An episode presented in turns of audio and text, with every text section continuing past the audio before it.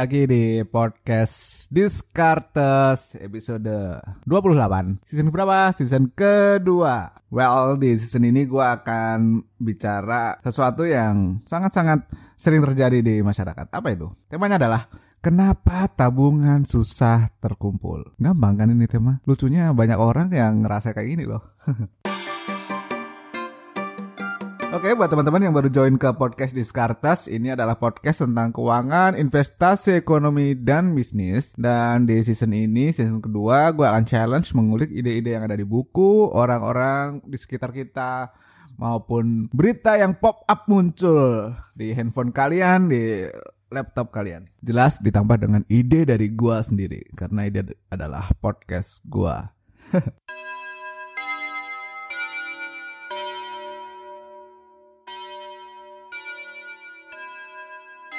Oke buat teman-teman, kenapa gua angkat tema ini? Coba mikir, di sini ada nggak sih yang orang menggantungkan hidupnya dengan menggunakan kartu kredit day to day? Artinya, lu mau makan harus pakai kartu kredit, lo mau beli bensin harus pakai kartu kredit gitu.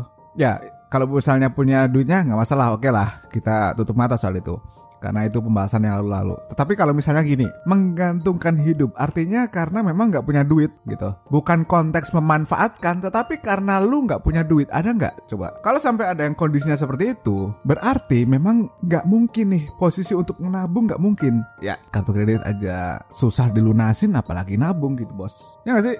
Ingat gini ya, konsep yang sederhana kalau kartu kredit dijadikan alternatif bayar, oke okay lah kita masih bisa bilang sesuai dengan manfaat gitu kan.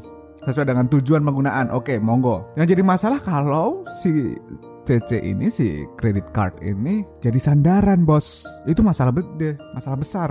Menggantungkan diri, menggantungkan hidup kita pada kartu kredit itu salah satu faktor kenapa susah nabung. Simpel itu. Ya tapi kita sekali lagi nggak bisa menyalahkan individu nih nggak bisa nunjuk. Eh lu salah. Lu kayak gini tuh nggak boleh ya. Kalau kita nggak tahu backgroundnya kenapa kita nggak bisa bilang langsung kayak gitu. Apalagi kalau lu cuma nyalahin tanpa ngasih solusi. Ah sorry gue gue nggak demen orang-orang yang kayak gitu. Nyalah nyalahin doang gue kadang mikir kayak ini ya. Jangan-jangan nih apa memang ada kesalahan kita yang bikin orang lain tuh nggak dapat penghasilan yang bagus? Kadang-kadang nggak tahu kenapa gue mikir kayak gitu. Misalnya karena pelit ngasih gaji mungkin ya. Gara-gara kita kasih gaji kecil ke tim kita tim kita nggak mau jajan ke tempat lain akhirnya si penjual makanan nggak dapat income gede. Ya imajinasi gue terlalu jauh sih cuman mungkin gak sih kayak gitu? Tapi ya udahlah ya itu bukan konteks pembahasan kita. Yang gue mau ingetin di sini biar orang tuh nggak asal ngejudge nggak asal bilang gitu. Kayak lu kok nggak mau nabung sih? Ya karena bisa jadi ada beberapa golongan orang yang memang nggak mampu. Bisa jadi loh. Nggak semua orang punya privilege kayak kita yang bisa ngedengerin di Spotify di Apple Podcast di website gua. Gak semua orang punya smartphone untuk ngedengerin ini. Bukan karena mereka gak bisa beli ya, mungkin karena mereka nggak tahu. Ataupun ada orang-orang yang punya smartphone tapi nggak tahu cara untuk ngedengerin podcast ini. Ada gitu. Jadi kalian itu yang dengerin podcast Discartes, ya selamat, kalian dapat privilege gitu loh. Berapa orang yang punya smartphone tapi nggak pernah dengerin podcast? Berapa orang coba? Bahkan kata podcast pun mungkin mereka nggak tahu. Gak usah jauh-jauh deh. Di sekeliling lo. Mungkin ya mereka belum teredukasi bahwa ya namanya podcast itu ngasih knowledge gitu. Apa ya langsung lo salahin? Kan nggak kan? Nggak nggak pas gitu. Jadi kondisi masing-masing orang itu harus dipahami. Bila kondisinya mampu sebetulnya tetapi nggak bisa nabung maka berarti memang ada yang salah di situ. Ada bagian yang bisa diperbaiki ya istilahnya financial habit itu bisa diperbaiki karena kondisinya mampu nih jadi income udah 15 juta tapi nggak bisa nabung karena foya-foya. Nah, ini kan financial habit yang bisa kita atur. Tapi kalau income 15 juta, ternyata spend primary-nya itu 15 juta juga, misalnya untuk keluarga sendiri dan mertua plus orang tua, ya bisa jadi 15 juta itu nggak cukup gitu kan. Bisa jadi. So gimana sih identifikasinya? Ya paling gampang sih sebenarnya kita mesti lihat nih ya berapa sih income yang lu punya, terus berapa sih pengeluaran primernya. Ada sisa nggak sih? Ya kalau ada sisa berarti itu ada kemungkinan untuk diperbaiki financial habitnya. Tapi kalau ada sisa setelah dikurangkan kebutuhan primer tetapi nggak bisa nabung itu yang diperbaiki itu masalah gitu. Kita sering bias nih dengan kebutuhan primer. Sebenarnya gue udah pernah bahas di YouTube Discartes ada lingkaran-lingkaran salju ya nggak Vin? Nah itu udah pernah. Ini di sebelah gue ada editor gue yang kerjanya nonton film aneh-aneh bersensor. Jadi semua itu nampak penting kadang-kadang ya. Itu orang ngerasa bias. Semua ngerasa penting. Pas pegang uang, pas jalan ke mall, ngeliat semua hal yang ada di sekitar kita. Oh itu penting semua. Padahal kalau uang kita terbatas nggak bisa tuh kayak gitu. Kalau uang kita terbatas, maka di sekeliling kita hanya ada urutan prioritas kalau terbatas. Contohnya gini, baju bagus nih ya, itu jadi primer ketika kita punya uang yang cukup dan digunakan dalam pesta misalnya bareng partner bisnis atau kolega karena tujuannya memang untuk menjalin relasi usaha. Tapi bisa menjadi nggak primer jika uang kita terbatas karena ada hal yang lebih penting makan misalnya eh nanti kan ada banyak alasan nih dari orang-orang kan kolega demi bisnis biar dapat uang gitu gitu aja terus didapetin didebatin sampai mati kelaparan jadi ketika uang terbatas yang harus kamu lakukan adalah sadar diri ada hal-hal yang harus diutamakan biar kehidupan kita nggak terganggu. Itulah yang disebut dengan prioritas. So, bagaimana mengumpulkan tabungan buat alien-alien nih yang bandel nih? Yang pertama adalah dengan manipulasi mindset. Ya, manipulasi. Misalnya gini, kita udah alokasikan 1 juta rupiah per bulan nabung untuk sekolah anak let's say tahun depan. Kalau misalnya mau dipakai buat beli baju baru itu gimana sih rasanya? Ada rasa bersalah nggak sih? Jadi dengan adanya alokasi di awal itu sebenarnya mindset kita itu udah termanipulasi dalam cara yang positif ya, in positif ya. Kadang-kadang memang kita perlu memanipulasi diri sendiri biar finansial kita aman, biar habit kita terkendali. Manipulasi mindset ini kayak kita ngegaji diri kita juga di masa depan sebenarnya. Jadi sudah mengamankan.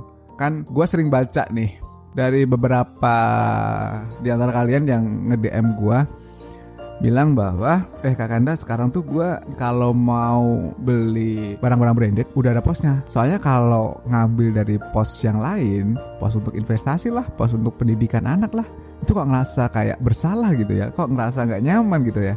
Nah berarti mindsetnya sudah termanipulasi dalam cara yang positif. Untuk kalian yang baru mulai, maka sekarang lakukan itu manipulasi mindset secara positif. Itu poin pertama. Poin kedua adalah teknik memaksa. Ya, nggak ada orang yang suka dipaksa. Tetapi karena di sini orang-orangnya, alien-aliennya pada bandel, maka harus dipaksa.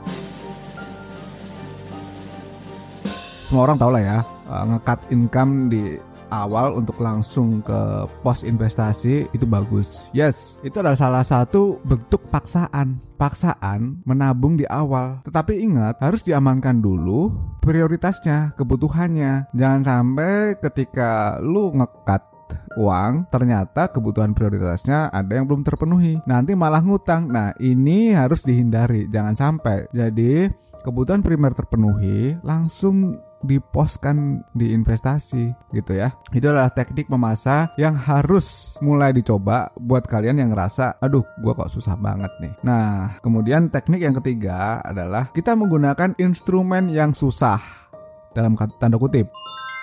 Artinya apa? Kan kalau kita ngebahas dana darurat kan udah sering gue bilang udahlah masuk aja ke tabungan boleh, masuk ke deposito yang gampang cair boleh gitu. Well, kalau tangan kalian gatal ngelihat uang di tabungan, maka dana darurat bisa dimasukkan ke si reksadana aja.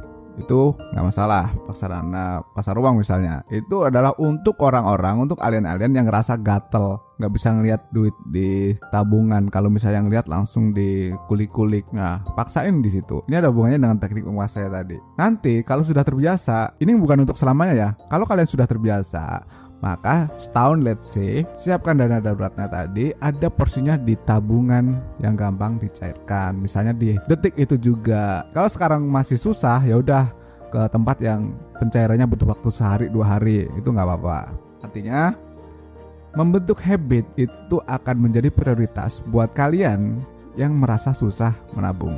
Ini gampang banget. Mudah-mudahan teman-teman semua yang dengerin podcast ini bisa mulai beraksi, bisa mulai ngitung, bisa mulai membiasakan secara positif. Biar apa? Biar lu nggak ada masalah yang kayak gini lagi. Sesimpel itu. Oke, sampai jumpa lagi di podcast Discartes episode selanjutnya. Thank you and bye-bye.